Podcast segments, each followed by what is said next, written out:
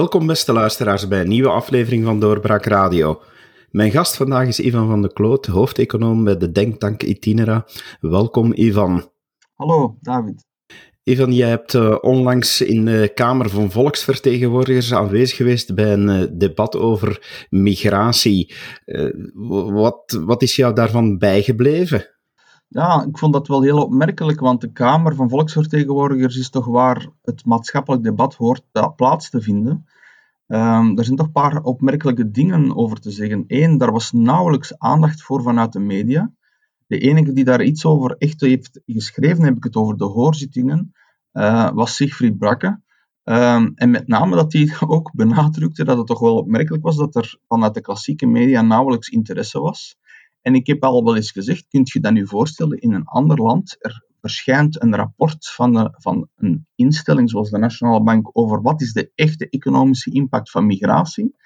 Dat wordt besproken in een parlement met experten en daar is geen enkele, nauwelijks media-aandacht voor. Het is toch wel zo'n zo'n spectaculair onderwerp en onze media is daar blijkbaar niet of nauwelijks in geïnteresseerd. Dat is het eerste wat ik daarin opmerkelijk vond. Ik denk dat uh, Siegfried Brakke daar een stuk over heeft geschreven dat op doorbraak is verschenen. Ja, dat klopt. Ja. Het, het, tweede dat ik daarover wil zeggen, of ja, ik, ik maak de, ik volg het dossier van de economische impact van migratie al twintig jaar op. Um, en ik maakte daar eigenlijk een overzicht van de parallel, de bevestiging van het rapport van de Nationale Bank met de bredere literatuur, dat het echt wel een grote uitdaging is voor ons land om van migratie een succes te maken, omdat wij een heel uitgebouwde sociale zekerheid hebben. En dus mensen die te weinig actief zijn in ons land op de arbeidsmarkt, ja, die beginnen heel snel uh, een heel grote impact hebben op de openbare financiën, met al onze uitkeringen en ja, onze plicht, of ja, om de rekeningen te doen kloppen in dit land, moet je eigenlijk heel productief en heel veel geld bijdragen aan de staatskas. En als je een groep hebt die veel minder actief is, dan begint dat direct een heel zwaar negatief saldo op te leveren. Er is een Nederlandse auteur die uh, ook in, het, in, de, in de Kamer is geweest, die becijferde dat voor Nederland op één generatie tijd een extra staatsschuld voor het land van 400 miljard euro.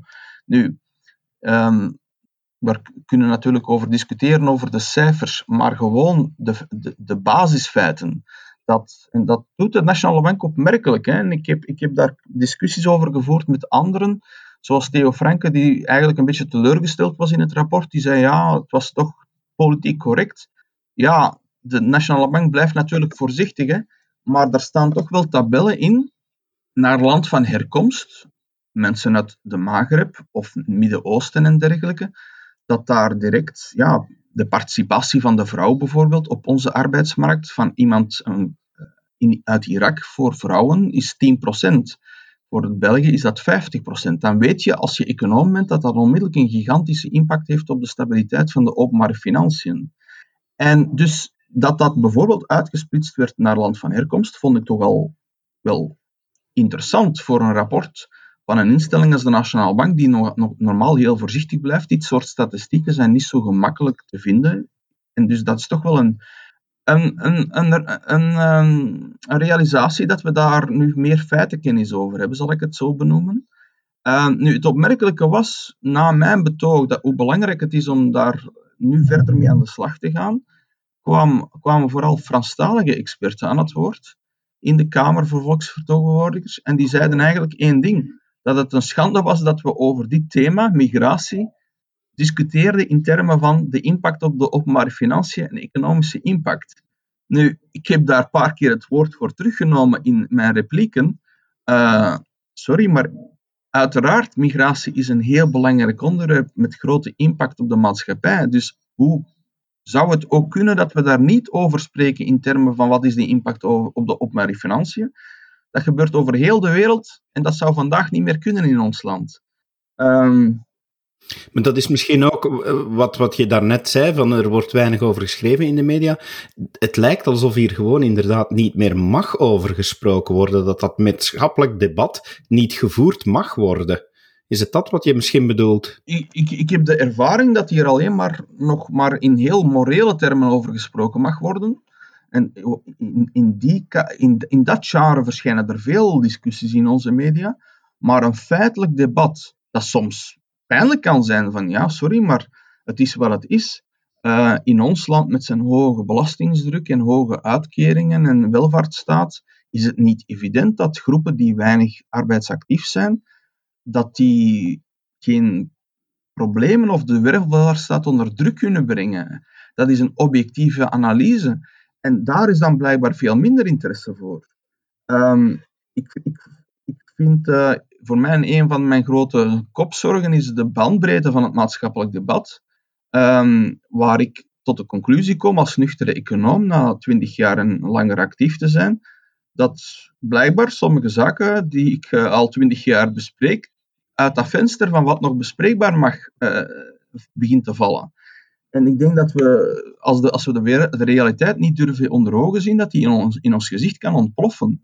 Dus ik, ik zou toch wel daar toch hopen op een kering. En dat we toch meer een breder terug maatschappelijk debat krijgen. En dat is overigens ook in corona al een paar keer heb ik dat ook al een paar keer gezegd. Blijkbaar is er een soort inzicht geweest in bepaalde media van nu moeten we allemaal samen zijn, nu moeten we allemaal eendrachtig zijn. Dus laten we in Nederland is er een hoofdredacteur van een krant geweest die dat letterlijk heeft gezegd. Hè, van ja, nu is het even geen tijd om te neuten en kritiek te geven. Dus wij, wij zorgen ervoor dat eigenlijk wat de kritische stemmen niet aan bod meer komen. Dat, heeft wel wat ophef gecreëerd in Nederland. Dat was in de eerste fase.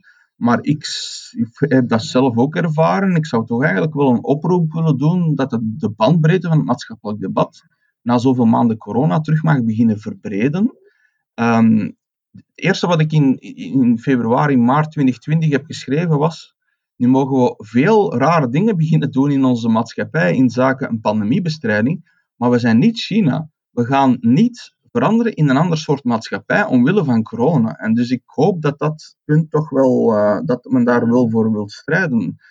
Het tweede wat ik daarover wil, ah dat maatschappelijk debat, wat mag je hier, in welke termen mogen we over, over maatschappelijke problemen nog discussiëren? Ik was recent even in de auto en ik hoorde toevallig een bespreking van een boek in het programma Interne Keuken. Het was van Erik Bruiland, ex-journalist van Trends. En hij had een boek geschreven over Congo. En waarom ik het vermeld is, voor verschillende redenen. Eén, omdat het eigenlijk een soort toepassing is op één land, Congo, van mijn eigen werk over ja, de, de manier hoe maatschappijen kunnen functioneren. En dat daar bijvoorbeeld de, onze persoonlijke vrijheden, dat je kan aantonen dat die heel sterk gelinkt zijn met onze welvaart en ons welzijn. En de auteur heeft dat toegepast op Congo, zal ik maar zeggen. Zo kwam het bij mij over dat ja, mijn analyseschema heel sterk aan bod kwam in zijn boek. En het was heel opmerkelijk hoe de journalisten daarmee omgingen. En op zich deden ze hun job gewoon door goede vragen te stellen, maar het was toch wel heel opvallend. En bijvoorbeeld, de eerste vraag die werd gesteld was: ja, u begint uw boek na de onafhankelijkheid van Congo. Creëert dat niet het probleem dat we niet uh, vooral spreken over de grote schuld van de blanke Belg en zijn impact op Congo? En ik vond het wel interessant dat de auteur daarop repliceerde 1.1, ja, ik, ik toon eigenlijk aan in mijn boek dat sinds de onafhankelijkheid er nog veel grotere misdaden gepleegd zijn in wanbestuur dan tijdens de Belgen. Nu, dat is de claim van de auteur die hij maakt in zijn boek. Daar ga ik verder niet over oordelen, maar mogen we dat dan niet bespreken? En het tweede wat hij zei was, ja, we zijn ondertussen wel al een tijd weg uit Congo. Gaan we dat blijven hanteren als een soort verklaring of excuus van het is allemaal de schuld van de Belgen, gaan we dat binnen 50 jaar nog gebruiken, binnen 100 jaar? Een tweede punt dat mij heel sterk opviel in dat interview was, um, als dan de diepere vraag kwam van ja, hoe, hoe krijgen we zo'n land terug in een, eh, in een positieve spiraal, dat hij zei van ja, uh, en hij verwees daarvoor naar Congolese professoren, wat ik eigenlijk heel slim vond in deze huidige tijden, omdat ja, als je verwijst naar witte experten die man zijn en van middelbare leeftijd, dan kom je in dit soort debatten vaak al in problemen tegenwoordig. En hij omzeilde dat voor een stuk door te verwijzen naar Congolese professoren. En zijn stelling kwam er eigenlijk heel simpel op neer het, vatte het een stuk samen. En ik zeg het omdat dat opnieuw weer een soort bevestiging is van het analyseschema dat ik hanteer in, in, in deze thematiek, in bijvoorbeeld in het Itinera-boek De Verlichting uit Evenwicht. Namelijk, ja, kijk, je kunt perfect 13 briljante Congolezen vinden die het land tot beter bestuur kunnen brengen, in theorie. Maar eenmaal je die 13 Congole Congolezen samen in de regering hebt gevormd, zit je met een probleem. Want, en hij verwees naar een Congolese professor die dat had benoemd als het nationaal tribalisme. Namelijk, die 13 gaan binnen de kortste keren de belangen van hun stam of tribale entiteit uh, nastreven en niet komen tot het algemeen belang. Dit is opnieuw weer zo'n analyse die eigenlijk heel sterk strookt met mijn eigen werk over hoe moeilijk het is om tot een welvarende maatschappij te komen. En dat we daar in het Westen, ja, op, we hebben daar ook onze tijd voor nodig gehad. Denk aan de godsdienstoorlogen in Frankrijk en dergelijke, om onze tribale verschillen te overstijgen. Maar we, moeten daar, en we mogen daar ook niet zelf genoegzaam in zijn dat de mechanismen die ons tot een functionerende maatschappij hebben gebracht, dat die voor altijd verworven zijn. Nu, opnieuw was het heel interessant dat de journalist daar als, als een Pavlov-reflex repliceerde. Ja, maar tribale belangen die bestaan toch in België ook? Iemand uit Limburg die gaat toch ook vooral de belangen van Limburg verdedigen? En dan zie, zie ik daar toch een soort postmoderne relativisme in van ja, ik ga dat niet ontkennen dat het gebeurt. Dat een politicus uit Limburg in Brussel een aantal gelden probeert naar Limburg te brengen. Maar de mate waarin dat even dysfunctioneel kan problemen opleveren, zoals het tribalisme in Congo, dat is toch wel nog een wereldverschil. En dus dan zie je eigenlijk voor een stuk toch de mate hoe we vanuit een soort morele vertaling van onze problemen altijd de, de werkelijkheid proberen eigenlijk te verbloemen. Het is, het is inderdaad wel zo hè, dat, dat uh, op die manier ja, bepaalde debatten wordt uit de weg gegaan. Uh, je zegt het zelf heel terecht, het maatschappelijk debat, de bandbreedte daarvan, die, die geraakt wel, wel een beetje zoek. Dat, uh, ik denk wel dat je, dat je dat ook wel vaker merkt in, in de zaken waar jij net mee bezig bent, dat, dat zulke zaken ja, quasi onbespreekbaar worden. Ja, er zijn bepaalde thema's die compleet geblokkeerd geraken. Um, in andere thema's proberen wij nog ons, onze manieren te vinden om, om zaken te bespreken en, tot verandering te brengen. Maar in bepaalde debatten is het heel moeilijk geworden natuurlijk.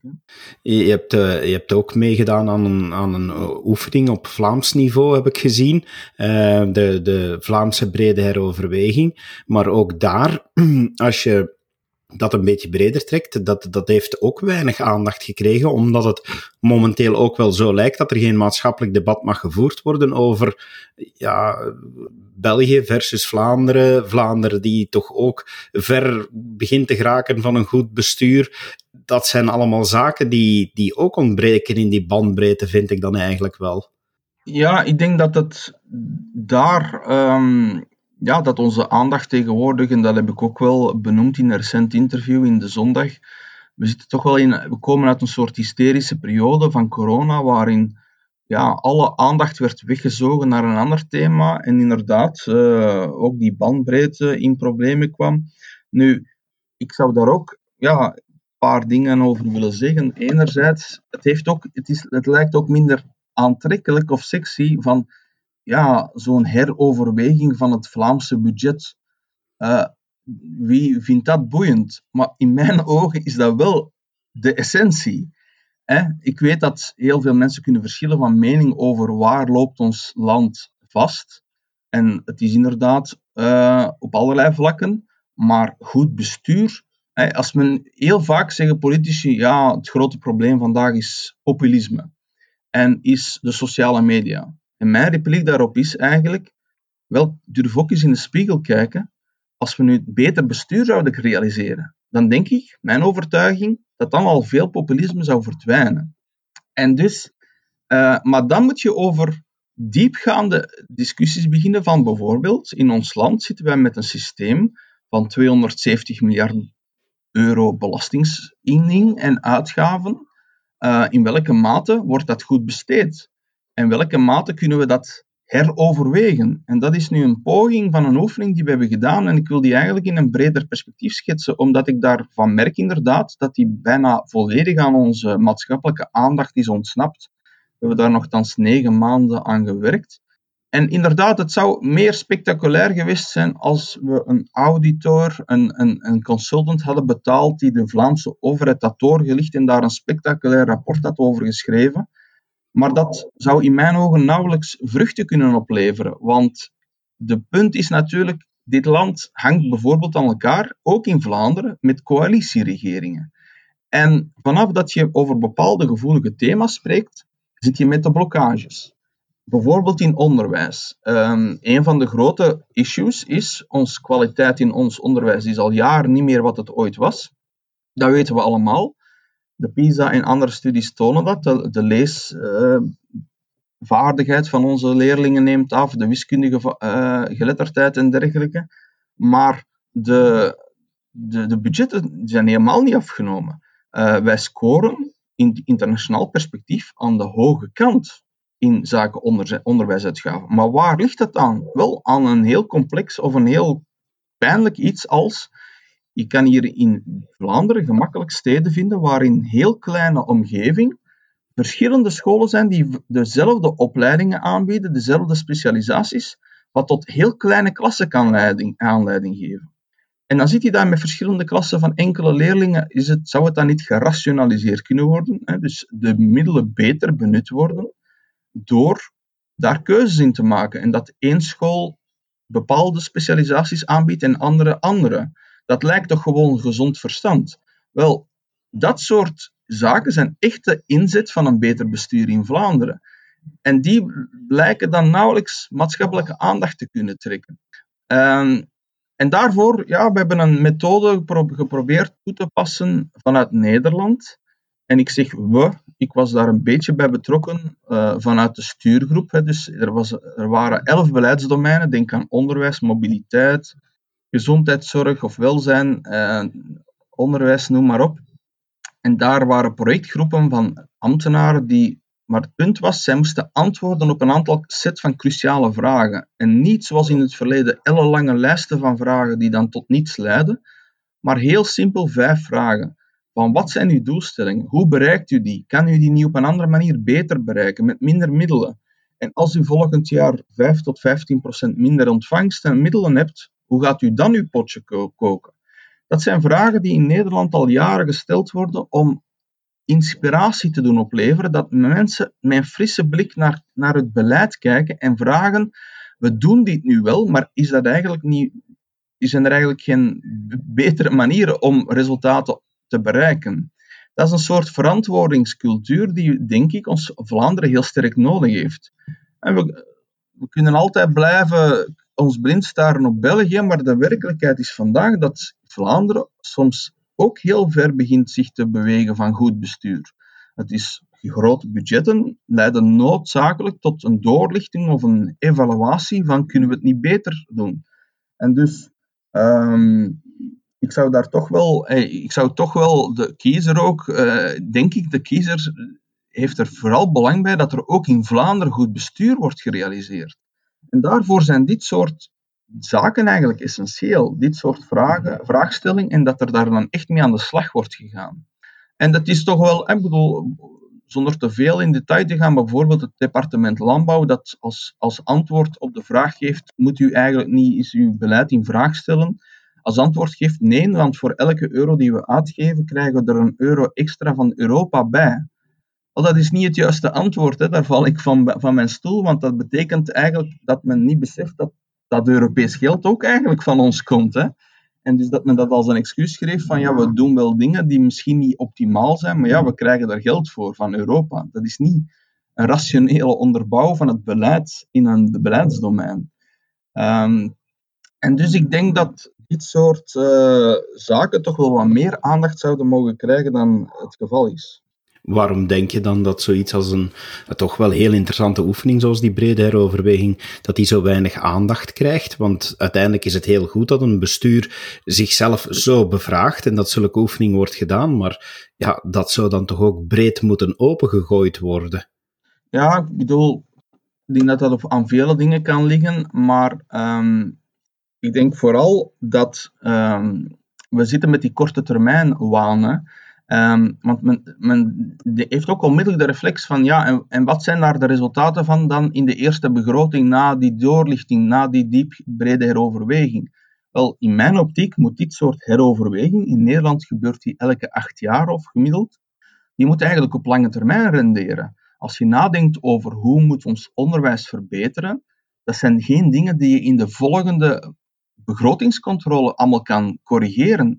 En dus de fixatie en ook een stuk budgetair reductionisme van het, het gaat enkel over besparen of het anders gebruik van, van de gelden op korte termijn. Nee, het gaat erover dat je de dingen heroverweegt.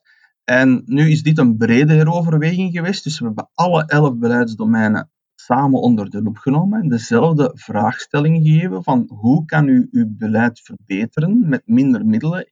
Niet om per se naar minder middelen direct te gaan, maar wel om de vraag te zorgen, te op te leveren dat men creatief nadenkt en loskomt van het bestaande beleid. Want we hebben de, het probleem in dit soort situaties, en dat is overigens niet alleen in de publieke sector, maar ook in de private sector het geval, men voegt altijd maar lagen bij aan de bestaande toestand, in plaats van het oude beleid in vraag te stellen.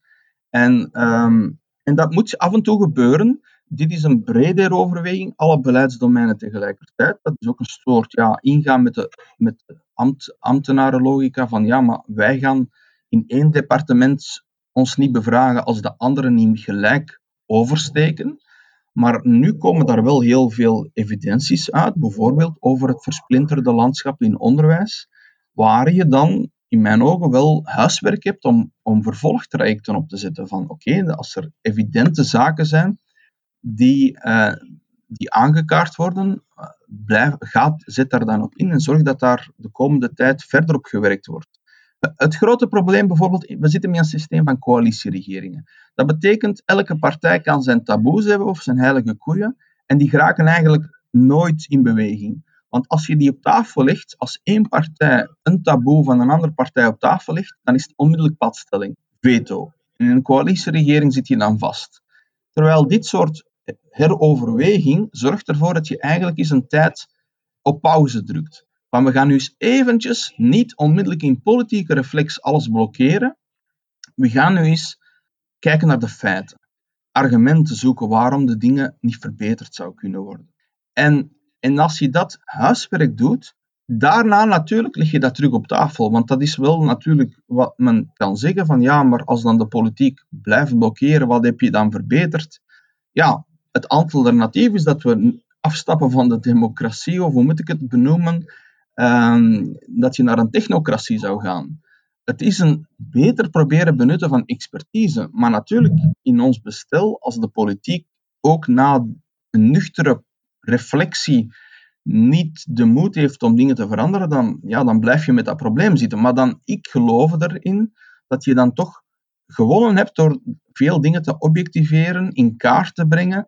En dan, je moet ideeën laten circuleren opdat er op een bepaald moment, wanneer er wel ruimte is voor verandering, dingen in beweging te brengen. En nu zitten we gewoon vaak in een padstelling en we durven niet meer nadenken over bepaalde belangrijke thema's. Denk je dat de Vlaamse overheid nog iets gaat doen met die brede heroverweging? Of vrees je dat eh, al het werk dat jullie er hebben ingestoken, dat dat ergens stof gaat beginnen verzamelen in een aantal schuiven? Ja, kijk, dat is natuurlijk niet de bedoeling. Uh, anderzijds wil ik ook opnieuw zeggen van het is ook niet zo dat je het criterium moet hebben dat dat dan binnen twee maanden tot een totaal veranderde Vlaamse overheid moet leiden. Uh, dat is die, die illusie van quick wins, uh, die, die ertoe leidt dat we, verwacht, dat we het normaal zijn beginnen vinden dat begrotingen op deze manier tot stand komen. Men sluit zich op in een kasteel op vrijdag, men werkt elkaar tot in de nacht uh, dood. En dan op maandag zegt men, we hebben zoveel miljard gevonden. Ja, dan is dat natuurlijk niet onderbouwd en door, doorgrond en goed doorgedacht. En dus, en er is ook zoiets als de administratieve staat. En, en als, als mensen nadenken over waar loopt ons land vast, ik had ook een debat op uh, doorbraak met uh, Stefan Rums, politiek filosoof van de KLU recent.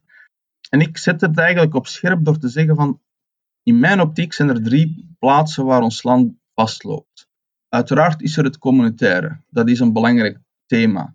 Maar niet alles kan daartoe gereduceerd worden. Dat bewijst bijvoorbeeld Vlaanderen, dat in veel domeinen even vastgelopen is als België. Het tweede is de slechte participatie. Dat moeten we ook heel kritisch durven bekijken. Dat de partijfinanciering ervoor zorgt dat partijen ehm, minder bezig zijn met, groot, met, met hun ideeën, maar eerder uh, met uitoefenen van macht. Hè. Als partijen zo ruim bedeeld worden uit de, uit de overheidsfinanciën, ja, dan hebben ze weinig belang nog bij hm, grote ledenaantallen, zoals het vroeger was. Uh, en dan is de vraag, ja, is een partij dan nog ideologisch consistent? Hè? Als, we, als men eigenlijk gewoon zegt, vlak voor de verkiezingen kunnen wij heel grote budgetten mobiliseren om een campagne te voeren. We zijn verkozen, met 10% zijn we aan de macht. En, uh, en dan zijn we weer voor zoveel jaren zoet. Ik zet, ik zet het misschien op scherp. Hè. Af en toe moeten we wat provoceren om dingen in beweging te brengen. Maar het punt is dat daar ook veel dingen vastlopen in die particratie. Maar het derde punt is de administratieve staat. Dat is natuurlijk het thema van mijn uh, recentste boek Overheid plus Markt, waarin ik zeg eigenlijk, de nazistaten zijn 200 jaar geleden gecreëerd. Dat waren toen eigenlijk veel kleinere machines. Vandaag zijn dat enorm complexe, omvangrijke machines geworden. Die geven meer dan 50% van het nationaal inkomen uit. En hebben we daar eigenlijk nog greep op? Of zijn die niet meer onder controle? En um, en dan heb je het probleem van de administratieve staat, zoals ik dat benoem, van ja, die politici die buiten soms hun standen daarop stuk. Hè. En als ik naar de Zweedse coalitie kijk, onder de regering Michel, dan, ja, dan waren er grote ambities van we gaan de... Dat was een regering waar N-VA aan deelnam, van we gaan de federale regering efficiënter maken, slanker. En achteraf heeft men gezegd, het is niet gelukt. Wel, dat toont dat men zijn tanden vaak kapot bijt en dat politici de systemen niet meer onder controle hebben.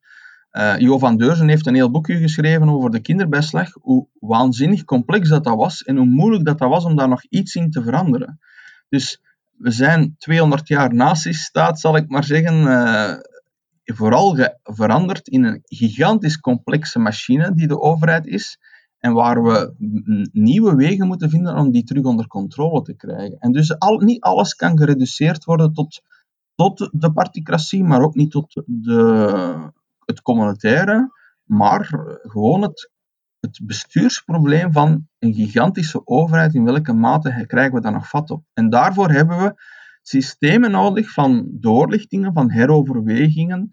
Um, we hebben er nu een brede gedaan, maar nadien kan bijvoorbeeld een thematische gebeuren. Uh, bijvoorbeeld een grote vraagstuk dat ik altijd benoem in mijn boek is, de overheid is op zoveel terreinen actief waarvan ik heel sterk de vraag stel, is dat nog de kerntaak van de overheid? Hè? Bijvoorbeeld recent de federale overheid. Wij gaan bedrijven helpen bij het doorlichten van hun logistieke processen. Dan denk ik, maar wat de hek? Dat is toch niet de taak van de overheid? Er zijn zoveel private bedrijven die dat doen. Waarom zou je daar belastingsgeld aan spenderen? Maar de tweede reflectie is natuurlijk, ja, maar als de overheid op zo'n domein zich actief begint te maken, wie kan daar de concurrentie van winnen? Want de overheid werkt met het geld van iedereen. En dus de thematiek van de kerntaken, maar ook van in welke mate zorgt de overheid eigenlijk niet voor het verstoren van het, het evenwicht tussen de rollenspelers. En dan kan dat snel opgevat worden als van ja, je bent tegen de overheid. Nee, ik ben voor een goede, daadkrachtige overheid die de andere sferen respecteert. De andere sferen zijn de markt, ondernemingen, die ook rechtszekerheid bijvoorbeeld nodig hebben, maar ook de eigen verantwoordelijkheid van burgers en de civiele maatschappij. En het, dat is voor mij geen groot ideologisch punt, dat gaat er gewoon over. Het is evident, de maatschappij is in zoveel on, eh, veranderingen onderhevig, technologische en andere, dat die verhoudingen verschuiven. Maar af en toe moet je dat dus corrigeren, dat de overheid de andere sferen begint te koloniseren of te verpletteren. Maar evengoed het civiele maatschappij, hè, als, als met subsidies zo'n grote afhankelijkheidscultuur wordt gecreëerd, ontstaat de vraag in welke mate durven burgers in hun verenigingen nog kritisch zijn over die overheid, want ze zijn zo afhankelijk van hun subsidies geworden en dat soort thematieken. En dus, ik denk dat, uh, ja, dat we ook in Vlaanderen, want men kan natuurlijk uh, zeggen van ja, maar het land moet vooral veranderen. Ja, dat is een opvatting die ik respecteer. Maar ik denk vooral ook, het mag ook geen zoethoudertje worden waar, uh, waar we alles verwachten voor een verandering van België, terwijl we blind zijn voor het feit dat er vaak geen goed bestuur genoeg meer is in Vlaanderen zelf. Het is boeiend om daar allemaal over na te denken, Ivan. Ik uh, vind het heerlijk om met jou altijd een gesprek te doen in onze podcast, want het is stof waarover ik zelf dagenlang blijf nadenken. Dank je wel dat je vandaag de tijd hebt genomen om je bedenkingen met ons te delen. Graag gedaan. En u, beste luisteraar, hopelijk geeft het u ook stof tot nadenken en doet het u een beetje vooruitdenken en wordt zo op deze manier de bandbreedte voor het maatschappelijk debat toch wat groter. Bedankt alvast en graag tot een volgende keer. Dag. Dit was een episode van Doorbraak Radio, de podcast van doorbraak.be.